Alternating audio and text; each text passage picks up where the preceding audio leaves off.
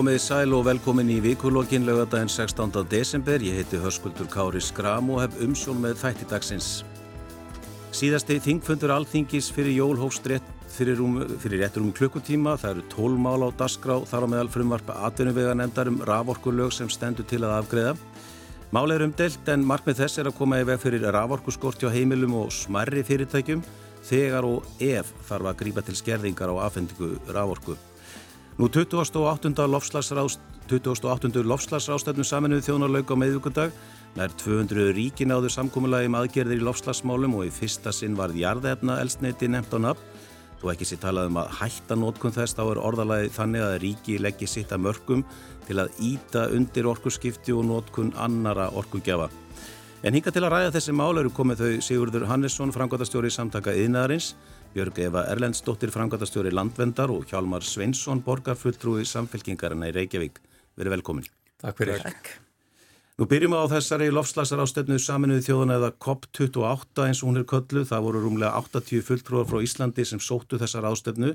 Þar á meðal þingmenn, ráþærar, borgarstjóri, fulltrúar frá rávorku, fyrirtækjum og náttúruvendarsamtökum. Björg Eva, þið senduð fulltrú á þessa rástöfnu hvers vegna?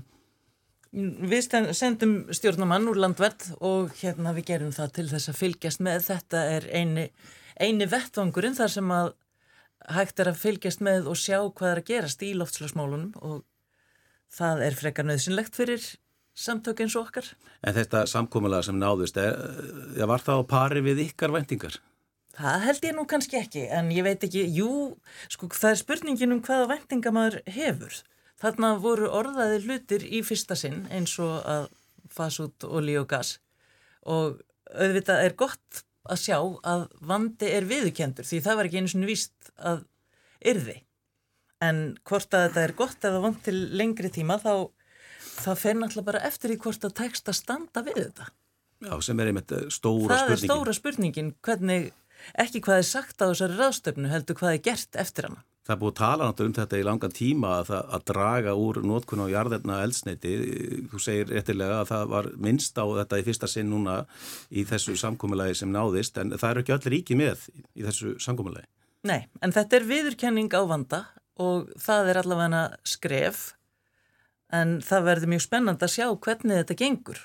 Og það er líka spennand að sjá hvernig þetta gengur hérna vegna þess að það er mjög mikið talað um loftslagsmál og þeim er að hluta til sko stemt gegn náttúruvend sem er mjög einkennilegt og svo er talað um ramaspíla að það sé einhvern veginn lausnin en þeir eru bara bætast við og svo er hinn orkunótkunin hún er bara aukast. Já, Sigurður, sko, hvernig metur þú þetta samkómulag? Er þetta raunverulegt skrefa þínum að eða einhvers konar mála miðlunar samkómulag sem hefur enga raunverulega þýðingu?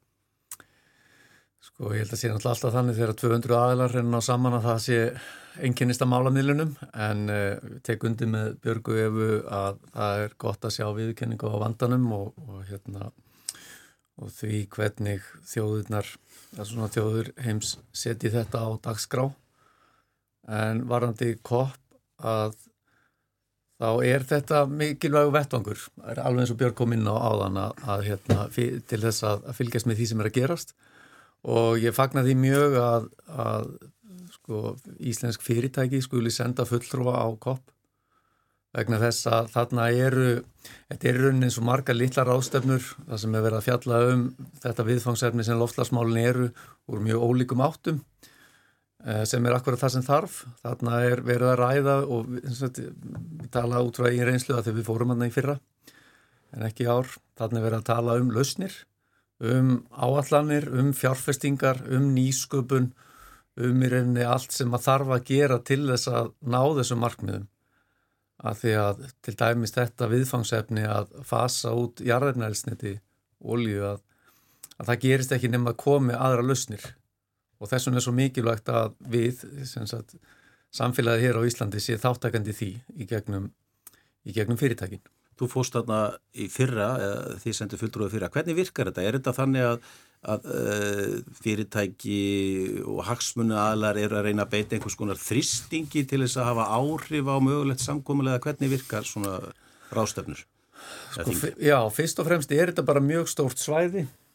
þar sem að, að aðeilar eru með svona, svona bása eða, eða síningasvæði lönd eru með sína skála og þar er, eru verið að kynna lustnir, verið að fjalla um viðfóksefni hvernig kannski ólíkar, ólík ríki hafa tekist á við þetta að því að áskorunar eru einhver leiti ólíkar á millilanda en, en auðvitað miklu leiti þar sömu.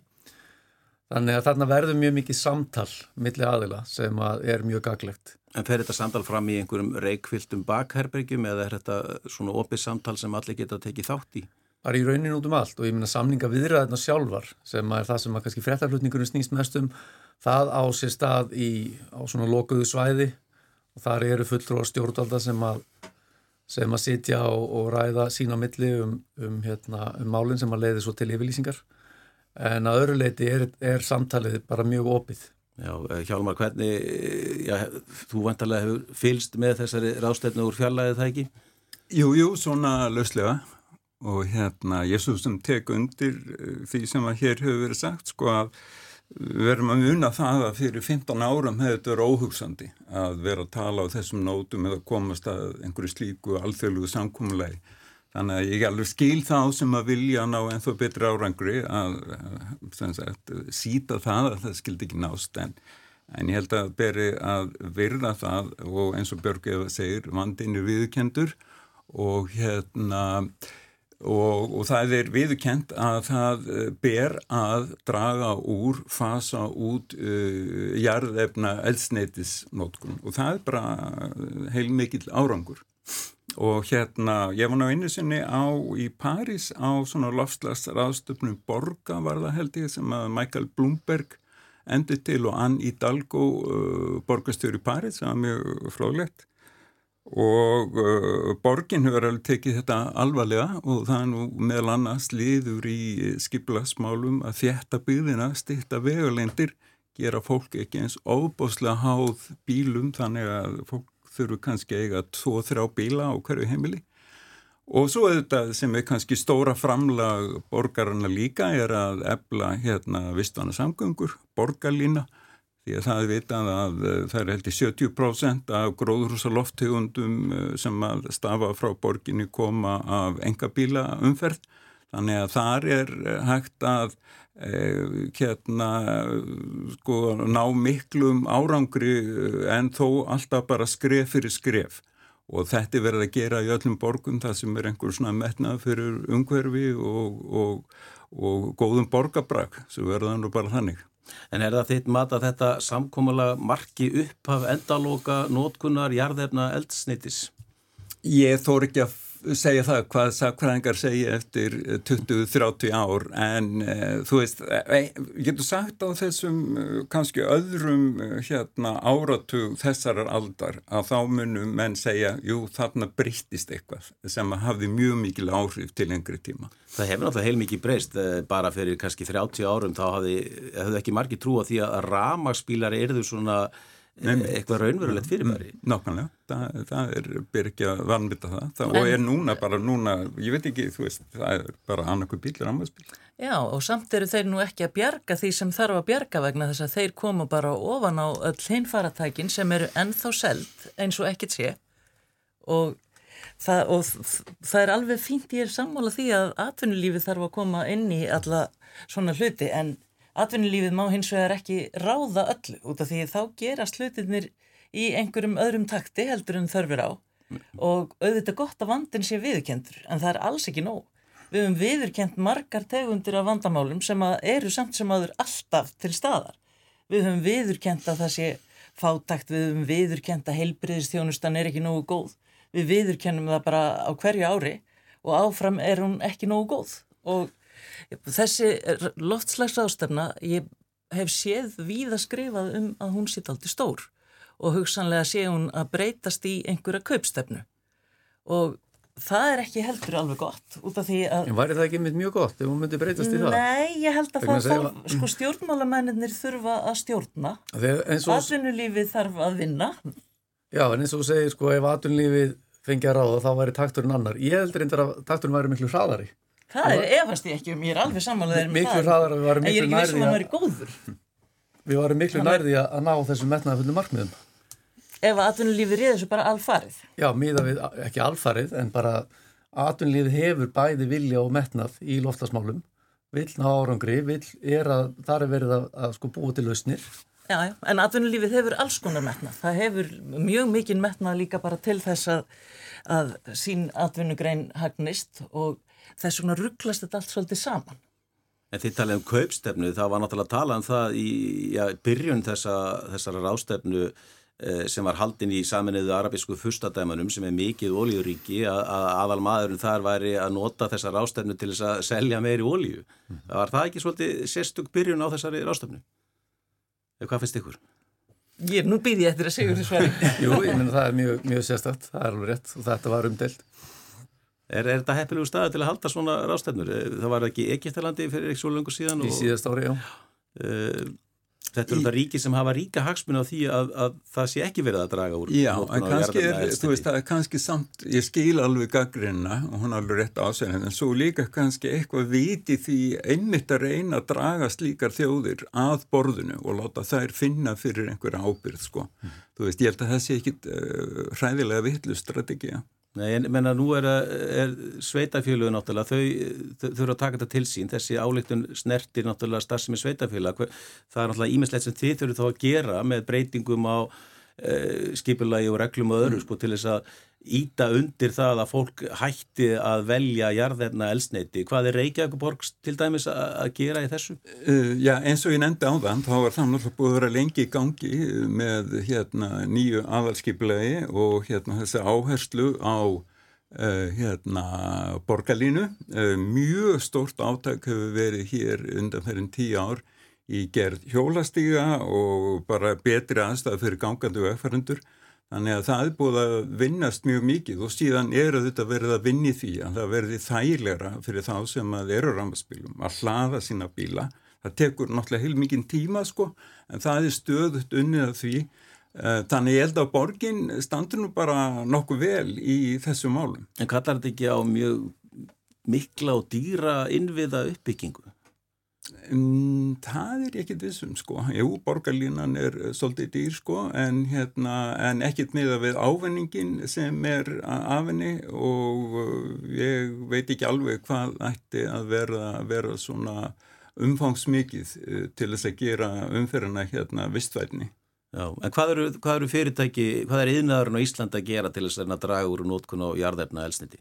Mm -hmm. Sko einaði náttúrulega er eina útlunningsgreinin á Íslandi sem notar græna orku mestmægnis í sinni verðmættasköpun. Aðrar útlunningsgreinar nota ólíu til þess að knýja hérna, verðmættasköpununa og losunin frá einaði stafar fyrst og fremst af efnaferlum sem verða í framlýsluferlinu og þar er náttúrulega þetta euróska kerfi sem heitir ETS sem er í rauninni skýri kvatar, hérna, fjárhastlegi kvatar til þess að draga losun og þar eru ímisverkefni í gangi. Eh, fyrirtæki til þess að hafa sett sér það markmið að ekki bara verða kólumins hlutlaus heldur að verða kólumins jákvæð. Að, að, Hvað þýðir það að vera? Það þýðir henni að bara losunum verður þá neikvæð. Þar að segja þau hérna já, eða meira hérna, eða meira kóltísýringi heldur en verður til úr, úr starfseminni. En þetta náttúrulega krefst fjárfestinga, þetta krefst nýsköpunar. Sem hefur verið komið í framkvæmt en en annað eru þetta lengra, lengra frá okkur af því að hérna, þróun er, er aðeins floknari. En er ekki, er ekki íslensk fyrirtæki bara að standa sér nokkuð vel svona þegar maður horfið til margra annara ríkja hérna nálat okkur? Sum íslensk fyrirtæki er að standa sér vel og önnur er ekki að standa sér vel og mm. það er allur gangur á því en hérna er að minnstakosti losun ekki að minga sem er nú kannski mm. aldrei sérkjænilegt með að við stöðu Íslands og það erum, sem ætti að vera hægt hér. Við erum alltaf kannski, það er kannski það er þessi ferðamennskan sem er kannski að, að losa heil mikið það Já, er, við erum ekki tilbúin til að leggja mikið að mörgum til þess að, að takmarka neitt. Það, við erum ekki til í það. Takmarka, hvað myndur við vilja sjá einhvers konar takmarkanir? Ég, mér finnst vera full mörg skemmtiferðarskip bara svo eitthvað sé nefnt og mér finnst vera mikil umferð líka og, og það er mjög skrítið á, á sama tíma og rafbílanótkun er aukast svona mikið að hinn skuli ekki minga. Hver er hér sem er til í það að hætta flytja inn bíla sem að brenna olju og bensinni. En Er, er, einhver til í það? en eru ramaspílar, er, er það raunhefur kostur fyrir svona fólk sem er bara á venjulegum launum? Þetta er alltaf mjög dýri bílar.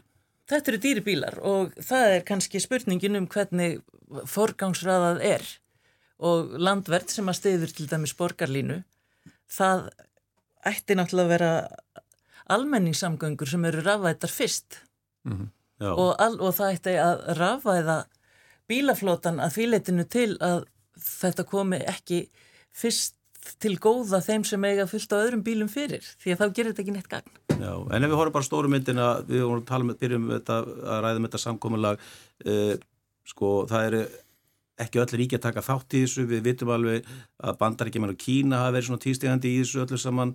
Uh, er einhver raunhefur möguleiki að, að ykkar mati að ná breyðri samstöðu áður en allt fyrir óefni ef svo má verið komast? Já, já, verður maður nú ekki að vona það. Ég, hérna, ég er nú alveg bara frekar bjart, bjart síðan á. En eins og ég segi, sko, ég held að menn munu uppgötta það eða segja hérna eftir eitthvað tíma þetta á þessum áratug voru merkileg og mikilvæg stef, uh, skref stígin.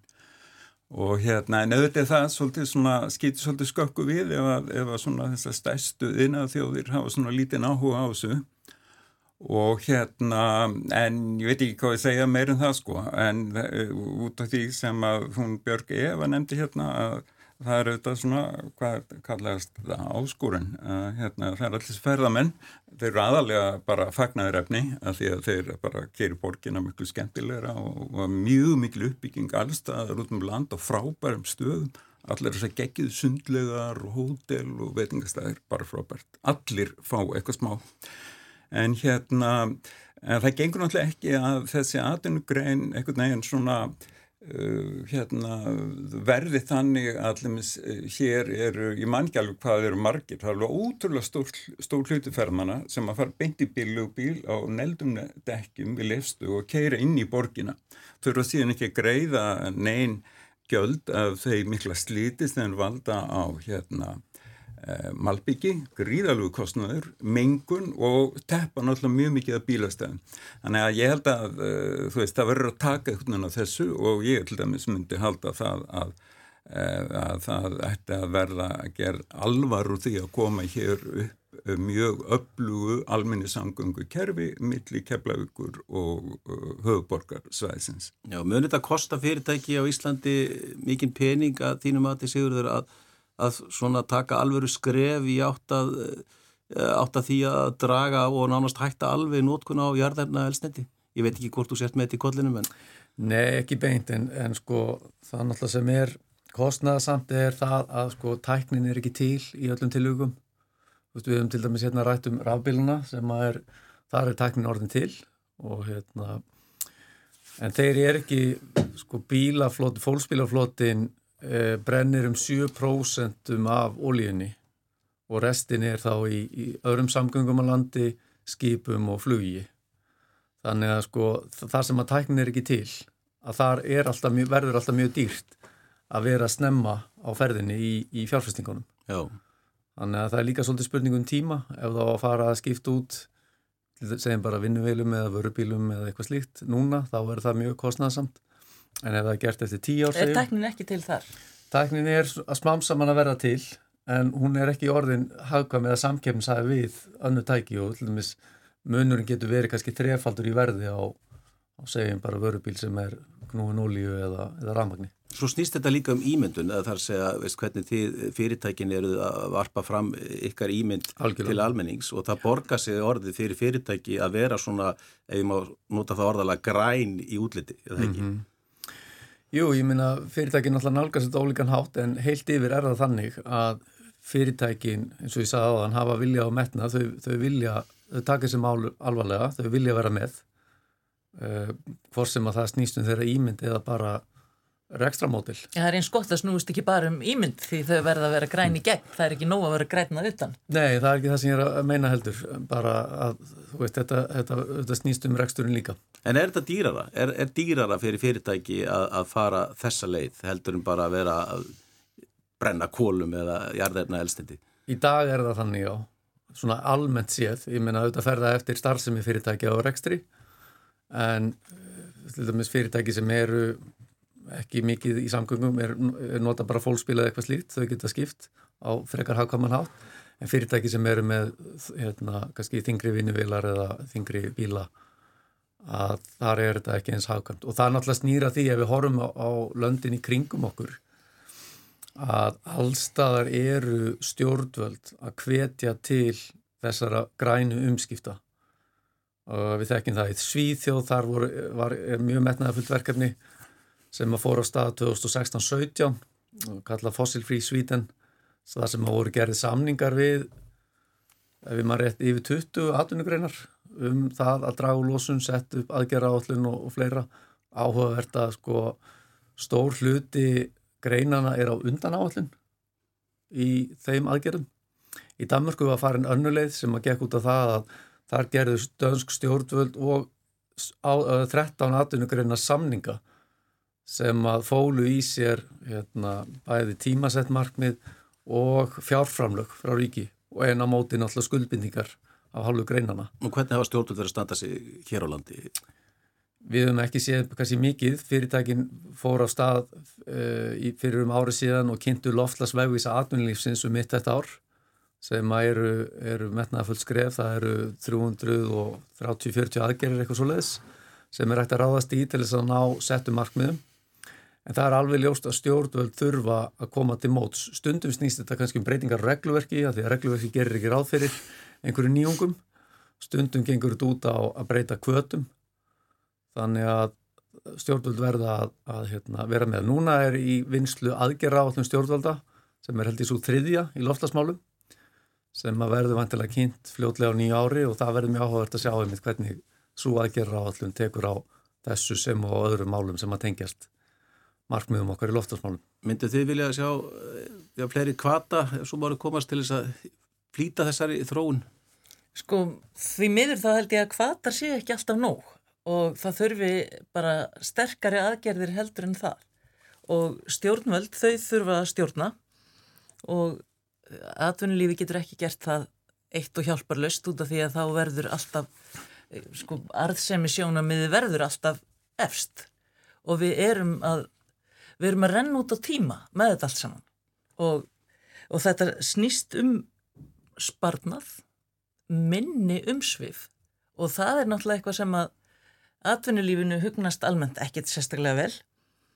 Þannig að ég held að í, eftir því sem lengra líður þá fer þetta að einhverju leiti að snúast um bóðabönn og, ég veit að fólk þólir ekki að heyra akkurat það en sumt er bara þannig mm. að það gerist ekki af sjálfu sér eða með kvötum og þannig að enginn þurfa að leggja neitt að mörgum og enginn þurfa að tapa neinu.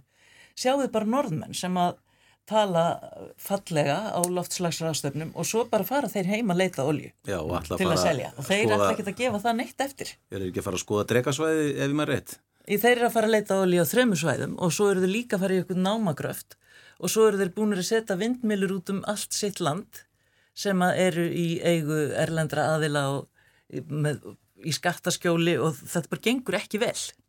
Þar hafa verið miklu kvatar en lítið um bóðabönn. Aðeins um kvatana, sko, kvatar auðvitað virka og það sem ég er að benda á er að í löndunum í kringum okkur eru slíki kvatar. Þannig að verkefni, þau fara frekar þangað heldur en að lausni séu nýttar hér á landi til þess að draga lósun. Er þetta einhvers konar skatta ívillanir eða? Já, bara, nei, ekki endilega. Nei, all, alls ekki þannig. Það er meira bara kannski kvatar til fjárfestinga bara við höfum séð dæmum það að fyrirtæki hér á landi hafa séð á eftir verkefnum til annar landa, Norregs til dæmis eða annar staðar á meginlandinu þar sem að stjórnvöld þar í landi eru með kvata og að því að nefndi ETS-kerfið á þann að þá er það kvatakerfið, það sem að fyrirtæki greiða fyrir mengun og fjármunir eiga svo að nýtast til fjárfestinga og nýsköpunar almennt sé gera það í, gera, gera fjármjörnni það í, í hérna, annar staðar í Evrópu en hér á landi ekki. Þannig að sko, verkefni verða þá síður hér en annar staðar. Er borgin, er það eitthvað hlutverk að vera með einhvers konar kvata en þú þekkið það ekki kannski nægilega vel? E, jú, jú, það getur alveg verið og við höfum verið með til að mynda gjaldfrjáls bílastæði fyrir vistvæna bíla en, en þróunin og þeim markaði mjög hröð þannig að bílar sem þóttu vistvæni fyrir um þremur árum þykir það ekki lengur og eitt skilir til dæmis er að vera ekki nagladekkjum, það er ekki verið að hvetja bíleigundur og nagladekkjum. Þannig að borgin getur verið með eitt og annað. Og, og uh, hérna ég held að sko er ekki stundum talað um gullrótt og prigg, ég held að það sé nú mm. kannski það sem að þurfa að vera. Og hérna En bóð og bönn. Já, það er, það, já, það hljó, eins og, og Björg Eva segir hérna, þá, þá hljómar það ekki eins vel, en þú veist, það er alveg margt sem að borginu þurft að banna, til þess að keira mjög hrætti gegnum íbúðakári, þú veist að banna það, þú veist, það þótti í sjálfsætt einu sinni, þannig að við höfum ekki þurft að hrætt við það að tala um bönn, ég held allir í dag séum mjög þakkláttur fyrir slík bönn, og hægja umferðinni, það mingar mengun, eh, mikill umferðarraði, eh, eigur mengun. Og það er smám saman verið að vinna í þessu, tempra umferðina og umferðarraðan og það er á sumu bæum ekki dæla vinsælt en ég held að svona til lengri tíma litið mun allir sjá það var rétt. En mér langar aðeins að við má hérna uh, svona koma inn á eina einn vingil og þessu orkumáli sem ég smá ekki á það er að hérna það er gefin út þarna þessi skýrsla eða hvað sem var að það fyrti að auka hér orgu öflundanir um hvað var það um 16 tetravatt stundir á ári. Við erum núna með 20 sko þannig að 16 er eh, 80% eh, aukning og það er alveg brjálegaðslega mikið sko og um, ég tók, ég vann eftir mjög merkilega greinaflokkur sem er Bjarni Bjarnason uh, verkvæðingur sem var forstjóri Orkuvitur Reykjavík skrifaði það sem að bendir á að, að þetta sé algjörlega út í hött, þetta sé rauninu bara bull sko, þetta verður aldrei hægt sko með að við uh, lög og röglur núna.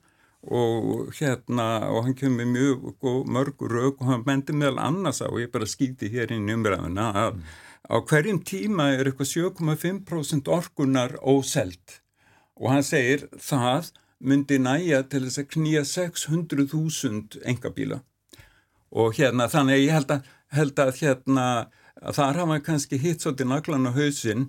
Og þetta var líka í orkuskortunum upp úr 1970 þó mm. uppgötuðu menn að mjög árangusrík leið til þess að fá meiri orku var að spara hana á ákveðnum stöðum og það náðist til mikill eh, árangur í því að einungra hús betur sparnitnar í bíl og svo framvegst. En síðan einhvern veginn upp úr 1980 einhvern tíman þá bara hurfu öll þau sjónamið sko.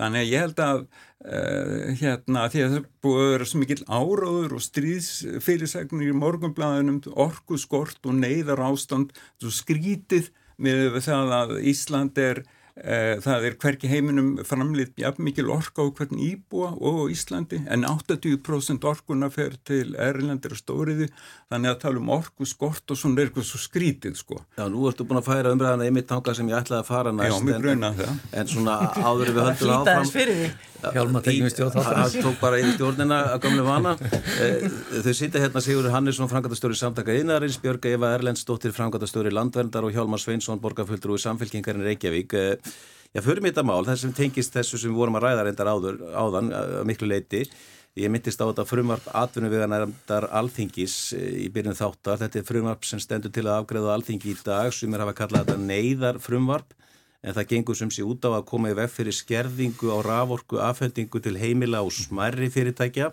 og þegar er talað um smerri fyrirtæki í þessu samingi þá er það raunverulega öll fyrirtæki á Íslandi fyrir utan 15-20 stór fyrirtæki eða stóriðjur. Eh, þetta eru, þau fyrirtæki eru mörg hver eða flest öll með langtíma samninga eh, sigur þeir til hjá samtöku viðinarins eh, gaggríndu þetta frumvarp og senduð inn umsökt til þingnefndarinnar. Já, hvers vegna ég telli þetta frumvarp ekki vera nægilega gott? Mm -hmm.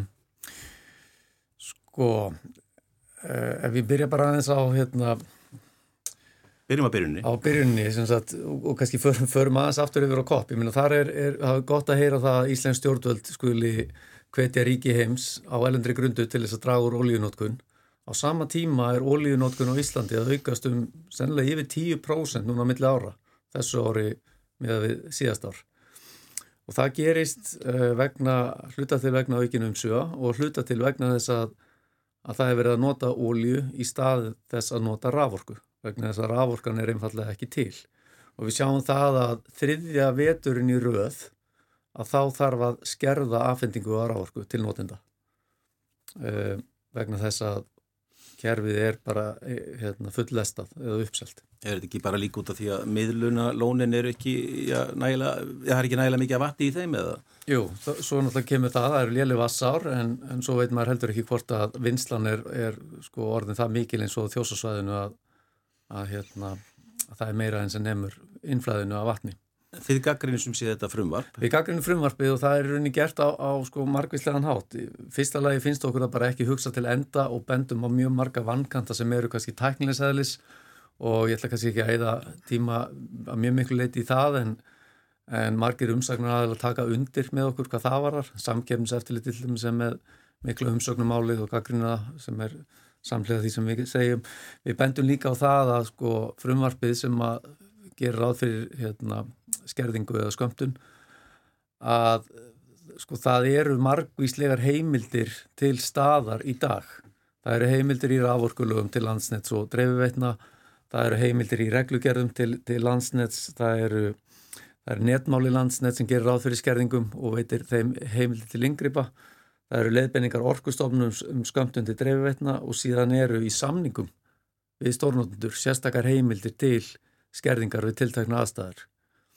Þannig að allt þetta er til staðar en enga síður sé lögjafin ástæðu til þess að, að veita enn umfangsmeiri heimildir sem að náttúrulega varpar ljósi á, á þá alvarlegu stöðu sem upp er komin og endur speikla það að í 15 árið að svo hefur frambóð raforku á Íslandi lítið sem ekkert aukist.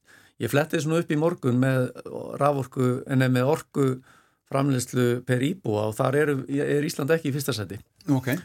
Þannig að hérna, en ég veit svo mikið hvernig, hvernig það er vaksið. Er mástu, hvaða land er í fyrsta seti? Uh, Katar er í fyrsta seti. Já, oljuríkið. Það er bara olja. Já, já, alveg rétt, það er olja, en bara olja er líka orka og það hefur mm. svolítið glemst í umræðinu síðustu 20 árin hérna hjá okkur.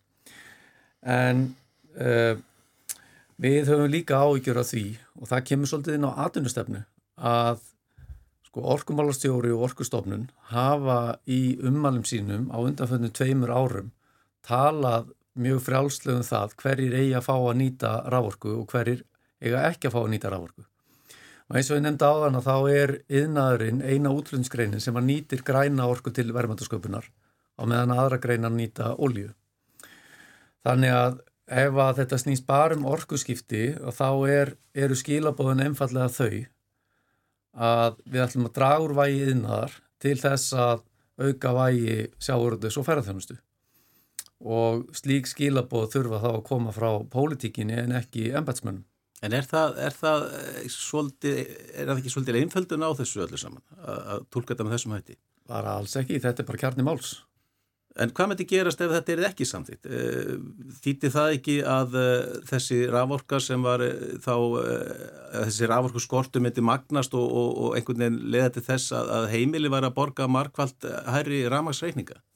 Sko við erum öll sammál um það að heimili landsins eigi að njóta raforku og ég held að sé engin ágreiningur í samfélaginu það. Og, og allra, á hóflegu verði. Allra síst frá okkur. Og þá snýst það náttúrulega um verðlagninguna, ef þetta fer á okkur markað skilur, þá náttúrulega getur það enda með ósköpu fyrir heimili, við sáum hvað gerist í, í, í Evrópu núna. Já, þegar, þegar atna, það, það er mitt, það var svona, verður tröflanir á aðfendingu á rávorku, ef svo maður komast. Algjörlega, ég held að við séum öll saman um þetta og ég held að allir aðilar við borðið séu hafi ríkan vilja og einbeittan vilja til þess að slíkt ástand mun ekki skapast hér á landi. Mm, en við erum einmitt öll samála um, um þetta og ég heyrði það í umræðum í, á þingin í gær, það voru allir samálum það að heimilin þurfa að hafa aðgangað orgu á hóflegu verði og ekki fara inn í þetta samkeppnis umhverfi. Og við til dæmis tökum það sérstaklega fram í okkar umsögn. Já, en það er ímislegt þarna sem að þú sagðir áðan sem að ég er ekki samála landvernd skilaði líka inn umsögn um þetta frumvarp og ég get ekki séð að það komi sko það kemur málinu eiginlega ekki við þess hvort það er orkuskortur eða ekki orkuskortur hvort heimilin eigi að njóta forgangs þau eiga bara að gera og það á bara að vera í hvaða árferði sem er. En það er talað alveg gríðarlega mikið núna um neyðarástand og ég er alveg sammála hjálmari að það er, það er undarlega orðræða með að við þá framleiðslu sem er í gangi. Og það er orðræða sem gæti verið í gangi líka til tíu ár þótt að við myndum virkja allt sem hægt er að virkja þá eru samt sem áður alltaf orkuskortur vegna þess að eftirspurnin hún er algjörlega óendanleg. Það hefur bara sérst. Það er bara ekki rétt. Er því að það er bara víst rétt vegna þess að við getum selt orku endalust eins og norðmenn gera til dæmis. Við, við ætlum að fara að framleiða rafeldsneiti, mm -hmm. við ætlum sömurtalum sæstreng ennþá. Og svo er talað um að hafi... Við erum ekki fylgjandi því, Nei, okay. það sé sagt. Ok, en það er líka talað um að það hafi verið algjör kyrstaða og það hafi ekki mhm. verið neinn orkuöflun. Það er ekki rétt heldur út af því að það hafi verið byggðar þrjár nýjar virkjanir núna bara á síðustu árum. Það er þá þrjár, hvað, af tíu virkunum landsvirkunar. Það er sko Þeistareikja og Búrfells 2. Þeistareikja voru 50 megawatt eitthvað slúðis, fyrstu áfengin. Já, þeir finnst þetta aldrei lítið. 50 megawatt, kerfið er 2300. Uh, en svo er það semst Þeistareikja líka. Þannig að 2% af kerfinu. Já, en þetta er allavega þrjár virkjanur og svo var Helliseiðavirkjun, hún var líka á þessari öll, hún stór.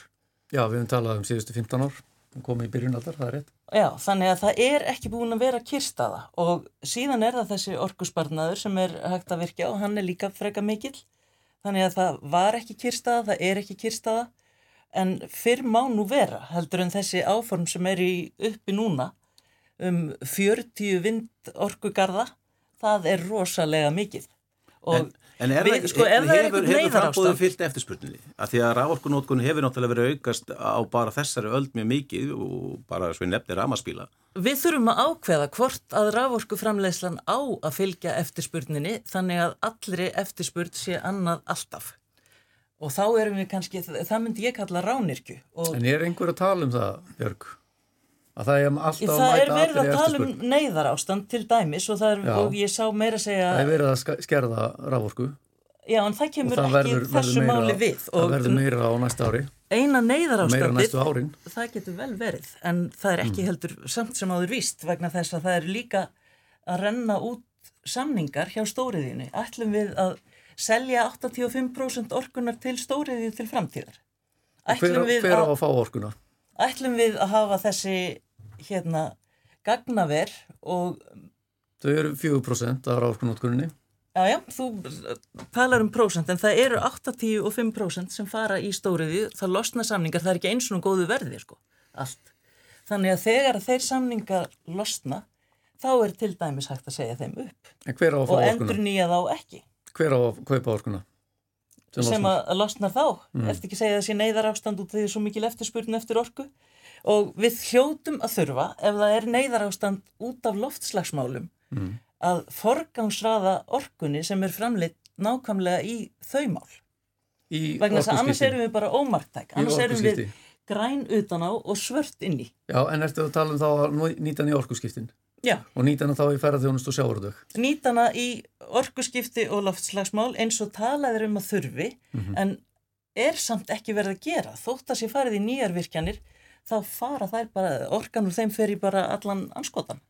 En er þú Hjálmar sammála því að hér ríki neyðar ástand í orkumálum að því að það er verið svona í að því að þetta sé eh, pólitískur tilbúningur eða einhverju liti? Já, um, nei, ég er hérna, þú veist, mér finnst þetta að vera einhver svona förðulugur uh, æsingur uh, ef ég segja alveg og er, þú veist, og hérna uh, ég meina, ég ólst upp við það að það var mjög oft ramaslus á hérna aðfungadag og hérna En, en það var aldrei talað um neyðarástand. Og þar með þá er ég ekki að líti úr því auðvitað sem betur fyrir er, verður ekki lengur rammaslaust allavega ekki hérna víða á aðfangadag. Og ég er ekkert að gera lítið úr vanda þeirra fyrirtæki sem þurfa að keira eins og fyrir eh, vestan og austan held ég. eh, keira sína framleiðslu með einhverjum varadísilstöðum, ég ger ekki lítið úr því. En bendum leið á hversu skríti það er til dæmis þarna fyrir austan, það sem er langstæsta virkjum landsins, að það skorti rammagn þarna í eðina niður á fjörðum. Eitthvað svo förðulegt sko. Var engin ekki, fyrirhyggja í gangi. En er það ekki bara af því að þessi sjávarútversfyrirtæki vilja ekki kaupa orkuna nema sem afgangsorku? Ef þau keiftu hana forgangsorku þá hefðu þau orku en þau væri ekki nótana allt árið og spurning er hvort þau getur þá áframseltana ef þú ætlar að vera á afgangsorku en, þá er það, hún skerðanleg. En burt sér frá þessu þá er starrandi svo að þau eru að brenna ólju og við Já, en það er ástæða fyrir því önnur en orkuskort. En það ætti að vera ágefni ef að ólíinótkun er aukast um 10% milli ára eða ekki? Jú, jú, það ætti að vera áhugjefni, en þau sem sagt vilja ekki kaupa þessa forgangsorku af því að nota hann ekki allt árið. Já, ég hef svolítið samanlega björg yfir þarna og hérna, mér skrýð svona, verið litla framfæri hér í orku nýtingu og það er kannski að því að auðlindend eru svo miklar og svo ofbúslega mikil orka. Ég kom síðasta vetur í fjölbýlishús í Basel, það sem vinnum mínir búa, það er hús sem að framleiður orku. Það þarf ekki hita, það sjálft framleiður orku, ekki spyrja mig hvernig það er gert sko. Ég nefna þessum dæmi mm. í löndum það sem er ekki mjög mikil, uh, mikið af orkulindum, hafa nýtt hugvit sitt til þess að búa til einingar sem eru opaslega hagkvæmar hvað varðar orkunótkun. Og mín trúin er svo að við Íslandingar hefur svolítið langt í land uh, í því og ég efast ekkert um það sem að Sigur Hannesson segir hérna, þessi metnaður í íslenskum yfirnaða fyrirtækjum og hérna og veitalug en, en þú veist, uh, ég held að þarna sé kannski heilmart óunnið og margt hægt að gera. Og, og ert ekki samfélag því Sigurður að hérna orku nýting á Íslandi mætti vera miklu betri Sko það var nú skýsla bara um daginn sem kom út um það sem síndi að það væri svigurum til þess að auka nýtni í kerfinum 8%. Já, Það var mjög flott skýrsla. já, Já, og þá er skýsla, hver gaf út þá skýslu? Það, það var hérna á vegum áhandsins, Já. hérna starfsópar eða eitthvað sem að vann það, en náttúrulega stór hluti af því, því krefst fjárfestinga. Það, það mun ekki gerast nema að það komi til lagabreitingar til þess að það sé hægt að nýta möguleika sem að er henni laugingir erfitt að nýta í dag. Dæmið það er eins og glatvarmi á, á hérna, grundalanga, kannski 25 megawatt pluss mínus. En síðan er það bara, þarf að fara í mikla fjárfestinga til þess að ná stórun hluta af, af þessu. Þannig að svona sagan sem þetta er að segja er að það er ekkert kannski mikið svigurum sem er hægt að nýta í kerfinu eh, sem stendur án þess að fara í breytingar eða fjárfestingar. Nei, þá þarf að fara í þær fjárfestingar og þetta var, það það? var mjög flott að þessi skýrsla kom út. Já, ég bara vona að stjórnvöld þá liðki fyrir þeim.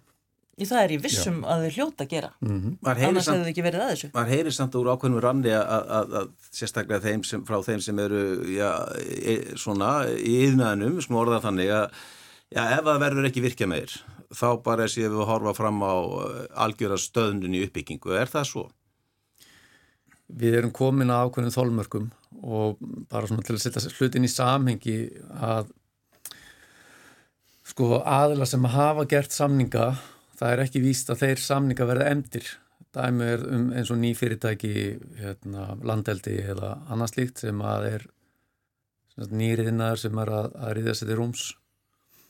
Eh, Þannig að já, það verður það ákveðin stöðnun hérna hjá okkur. Svo má heldur ekki glema því, ég var um þetta að fletta þessu upp bara í morgun að, að í byrjun ást 2006 að þá var sá áfangi hér á landi að landsmenn urðu 300.000 og núna um þessa mundir kannski það, hefur það gerst? Bara á næstu dögum kannski á næstu dögum að, að þá verða landsmenn þriðjungi fleiri eða 400.000 þannig að þetta sýnir okkur að sko umfangið þetta eikst með, Sko, en- með fleiri landsmönnum. Og það, það náttúrulega segir sér sjálf það, það þýðir auðvitað meiri raforku en það þýðir líka bara atrið sem við höfum verið að nefna undan farið missir eins og fleiri íbúðir og, og, og það er meiri atvinnustar sem fólk náttúrulega vinnur einhver staðar og, og, og svo starf sem er krefst raforku og, og svo framvegist þannig að það sýnir okkur bara hvað umfangið í samfélaginu hefur aukist hratt, í rauninni miklu hraðar en okkur nokkur nóraði fyrir. Já, nú veit ég að þið bæði viljið svara þessu. Já, ekki svarið bara ég tek, eða þú veist, ég bara held áfram að, að með hennar frá, þetta er rétt og mista fagnaðir efni að við skulum loksins verða 400.000 sko, uh, hérna og uh, bara uh, öllu leiti en einn uh, hérna svona sem að kemur út í því er að undanfarin misseri að þá hefur ef mann rétt íbúum höfuborgarsvæðinu fjölgaðum 100 á hver einustu viku og meða við bíl eign, svo við komum inn á það, þá mun þeim líka fjölgum 50, helming sko. Og það eru augljóst að þetta vegakerfi og líka orkukerfi, það þólir ekki sama sömu umferð uh, og sömu hérna bensinspúandi bílana og hefur verið síðastliðin 70 ár sko. Þannig að það eru það sem að Sveitafélaginu höfuborgarsvæðinu eru sammálu um að koma með sem sagt alvöru valkost í vistvænum og samgöngum sem er borgarlínan sem verður keira þó vantanlega á rammagni Þannig að um, svona, það er bara svona einn ástæðan í viðbót uh, til þess að taka þessi mál alvarlega. Hvernig leysum við samgöngum að þann? Sem mikla fjölgum. Þarna finnst mér nú bara Hjálmar hafa sagt það sem mikilvægast hefur komið fram í þessum þætti. Við þólum ekki sama lífstíl áfram. Ekki borginni, ekki um landið. Við þurfum að breytum lífstíl og ekki fara svona illa með allt eins og við höfum gert. Og þar með náttúruna, ef það er einhver stað neyðar ástand þá er það bara í náttúru Íslands út af því að það er búið í raunin að stilla náttúrunu upp sem einhverjum sérstakum óvinni loftslagsins en náttúrun er nú bara hluti af loftslæginu en það er atvinnulífi vill svolítið einhvern veginn fórna náttúrunni fyrir loftslægi, þannig er talað og samt er virkjað og virkjað og selt í eitthvað sem kemur loftsleginu bara ekkert við. Þannig að í rauninni er kannski náttúran frekar að deyja fyrir stóriðju, bitcoin og stundargróða erlendra fyrirtækja í skattaskjólum eins og í Núri og svíþjóð þar sem þessi fyrirtæki eru raunar að fara á hausin. Þannig að við þurfum bara staldra við, skiptum lífstíl og ef að þeir að koma neyðar og einhver staðar frá að þá eru þau ekki út af orkuskorti heldur út frá, frá náttúrunni sjálfri en hún á bara ekki jafn marga talsmenn og atvinnulífið. Hún á raunar mjög fáa. Ég sko það var verið að kynna nýlega, verkefnastjórnir rammáallinu var að kynna nýlega í samráskáttinni hérna ný draugað að já, svona nýju mati á virkjunarkostum, nýju nýri rammáallinu. Það er verið að færa hérna þrjárvirkjanir, holtavirkjun, urriðafossvirkjun og skrokkvölduvirkjun í nýtingarflokk. Sko ég þekk ekki alveg hversu mikil að ykkar mati þarf að auka rávorkuframlöslu til þess að standa bara undir svona eðlilegum vexti og myndu þess að þrjáður virkjani duga? Mm -hmm. Sko það er ekki, ég er ekki alveg með það í kollinum Nei. og svo líka eðlilegu vöxtur eins og ég nefndi á þann, það er sko fólksfjölgun hafa verið miklu meiri hér á þessar öll heldur en að við byggumst við. Já það er náttúrulega partur af þessu mannfjölda sem býr á Íslandi í dag er náttúrulega, já, þessu 70.000 erlendi ríkisborgara sem við vitum ekki hvort séu komnir yngar til þess að vera hér til langframa eða, eða í stuttan tíma. Nei, nei, en störfin eru auðvitað til staðar já. og við séum það að þrátt verið sko mikla fólksfjölgun og það var atvinnleysi mjög látt mm -hmm. hjá okkur á Íslandi en uh, að því að Hjálmar kom inn á það áðan að orgu skiptin bara ein og sér krefðust 16 terawatt stunda af orgu, rávorgu til þess að skipta ólíðinu sem þetta út. Og þetta er raunin bara verklæðilegir útreikningar og, og það er eh, þetta er nú eitt af því fáa sem við Björg erum sammálum held ég því að landvend gerði sitt mat á þessu og komst að sömu, sömu niðurstöðu en það eru þetta bísna mikil orka og, og hérna, endur spekla kannski það hver mikið vægi ólíjan hefur í okkar efnaðaskerfi en þetta er það sem þarf. Við erum að, þetta er um 80% aukning bara til þess að, að mæta þeirri þörf sem eru vegna orkuskipta. Já, Já það er reynda verður að taka fram að hérna, eins og Bjarni Bjarnason síndi fram á sínum tíma og það þarf í rauninni ekki að virka neitt til þess að rafaða bílarflótan 7,5% af 20 tetrawattstundum uh, næja fyrir 600.000 bíla, bílar í landinu munið verið um 270.000 og svo líka er það ekki rétt og, þeir leiðir eftir mig þá inn í þessari gí og ég er ekki vissum fólk gerir sér grein fyrir hvað þetta er gigantisk tala 16 terawattstundir Á hundra árum hafa Íslandingar framlitt virkjanir fyrir 20 tetravettstundir. Á hundra árum. Og nú á að gera næstum jafn mikið á næstu bara 15 árum eitthvað. Veist, þetta er uh, í raun út í hött sko. Og hérna mjög margir af þessum orkukostum eru sérstaklega uh, hérna jarðvarma orkukostunir eru mjög óvissir, lít rannsakaðir og ekkit vitað um þetta og ég tek undir uh, það sem Björg Eva segir að það er svolítið leiðinlegt hvernig umræðin hefur þróast að fólk sem að eh, unnir landinu og náttúrunni eins og Björg Eva og margi, margi fleiri ístningar, þeim er stilt uh, uppi vegg sem einhvers konar uh, umhverjus böðlar. Þetta er mjög sorglegt sko og hérna þannig að uh, þetta er sá hlut umræðunar sem að mér hérna líst ekki neitt sérstaklega vel á en inn í þessari 16 sem við komum aftur um það 16 tetraföttum er þá ekki öll skip og flugvila líka inn í því?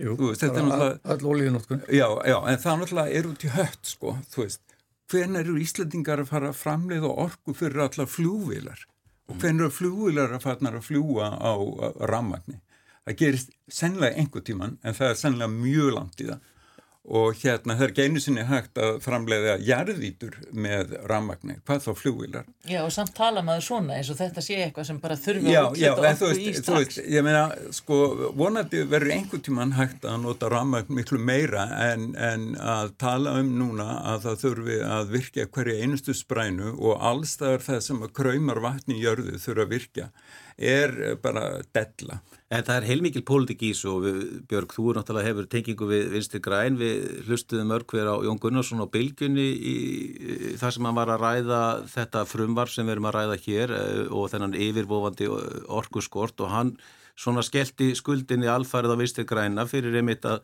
vilja ekki fara í frekari virkjanir, vera með svona anstuð við það. Er þetta eitthvað svona mál sem geti sprengt jafnvel ríkistjóðina að þínu mati? Sko það veit ég nú ekkert um. Ég ætla nú bara frekar aðeins að tala um annað vegna þess að, að ég ætla bara að rosa fyrst við erum komin í þann gýrin og við Sigurður erum oftar sammála heldur en hann heldur en að því að ég er ekki bara ánað með hérna, orkusbarnaðar stefnuna sem mér fannst alveg sérstaklega fín en ég líka ánað með það að núna verður hægt að stekka virkjanir án þess að mm -hmm. það fari gegnum rammaáallun þannig að það eru alveg möguleikar það er ekki kyrstaða og eftir mínum gögnum þá eru það 20% sem hafa bæst við orkuna frá því 2010 sem er aðeins meir en þú saðir áðan þannig að við erum bara alls ekki á svona afleitum stað. En þú vilt ekki svara þessari pólitísku spurningum hvort að þetta sé þannig mál að, já, sko ég held að hvaða ríkistjórn sem er gæti sprungið ef að mann ætla að fara að tala um neyðar ástand þegar það er ekki og ef mann ætla að fara fram með svona óabyrgum hætti þegar þeir eru að tala. Og, og taka svo með sér einhverja þingmenn. Ég bara þurfti að hrista hausin og lesa tvísvar þegar ég sá hérna Jakob Fríman í mokkanum sem var að tala um það að ef það er ekki bara farið að virka strax að þá myndi fólk ekki geta ekið í sumarfrí eins og það væri vant að gera á næstu árum. Og þú veist það er bara svo mikið bull í gangi sem að, að ég held að gæti sprengt hvaða ríkistjórn sem er ef fólk allar ekki bara að, ég segi eins og dóttur mín fara bara að kjarna sig Já, og lýsa staðrendum en ekki einhverju dellu. Morgunblæði var að skrifa um að það væri svona skiptaskoðanirna samfélkingarna líka um þessi mál. Það var viðtal meðal hans við Jóhann Pál og svo Þórunni Sveinbjarnar Var viðtælum okkar um þetta? Uh, nei, það var í vikunni. Já, vikunni, já. Svona þess að það var kannski mennar ekki alveg með einn áherslu. Nei, nei, það er ekkit nýtt. Það var alltaf verið skiptað skoðunir í samfélkingunni. Eh, um, það hafa verið í samfélkingunni eh, fólk sem hefur bara verið mjög lind vassalsvirkjunum og, og síðan uh, náttúruvendar og landvenda fólk. Þannig að það er í sjálfsvegar ekkit nýtt, sko.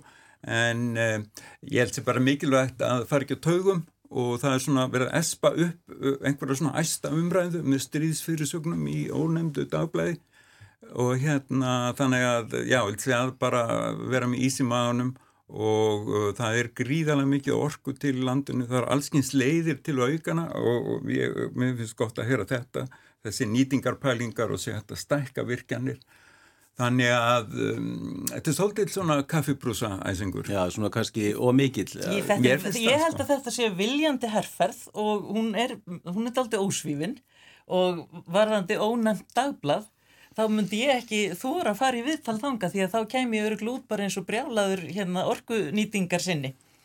Alvirkjana sinni því að það gera allir sem mæti það dagblad núna. Ég verði að vera algjörlega ósamála því að það sé ekki hérna, vandamál til staðar.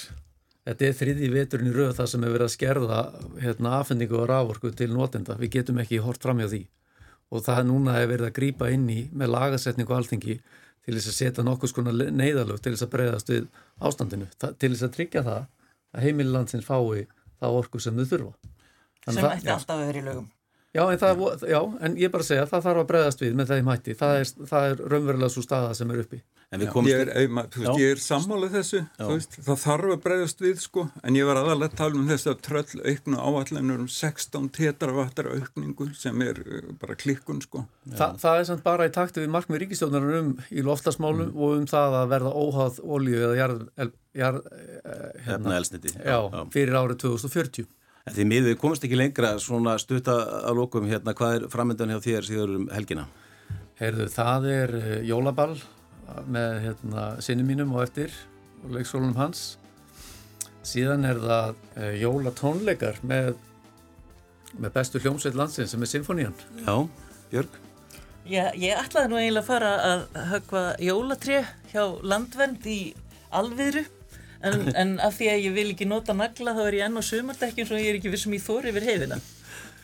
Hjálmar? Já, já, ég ætlum að byrja að hjóla heim og hlakka til þess og svo er ég held ég örgulega eitthvað jólabóð í eftirmiddaginn og svo hlakka ég ægilega til eins og hverjum degi að hitta litla afastúlku mína fyrstu í, sögunni og hérna hann ég hlakka til á hverjum degi, hún er tvekja mánu. Hjálmar, Björg, Sigurður, takk hjálpa fyrir komina í vikulokkin. Það verður engin þáttur næsta lögadag en þá er þetta þollásmess og verið að útvarpa jólakveðum hér á rás 1. Vikulokkin mæta aftur lögadaginn 30. desember. Þanga til, verið þið sæl og já, gleðileg jól.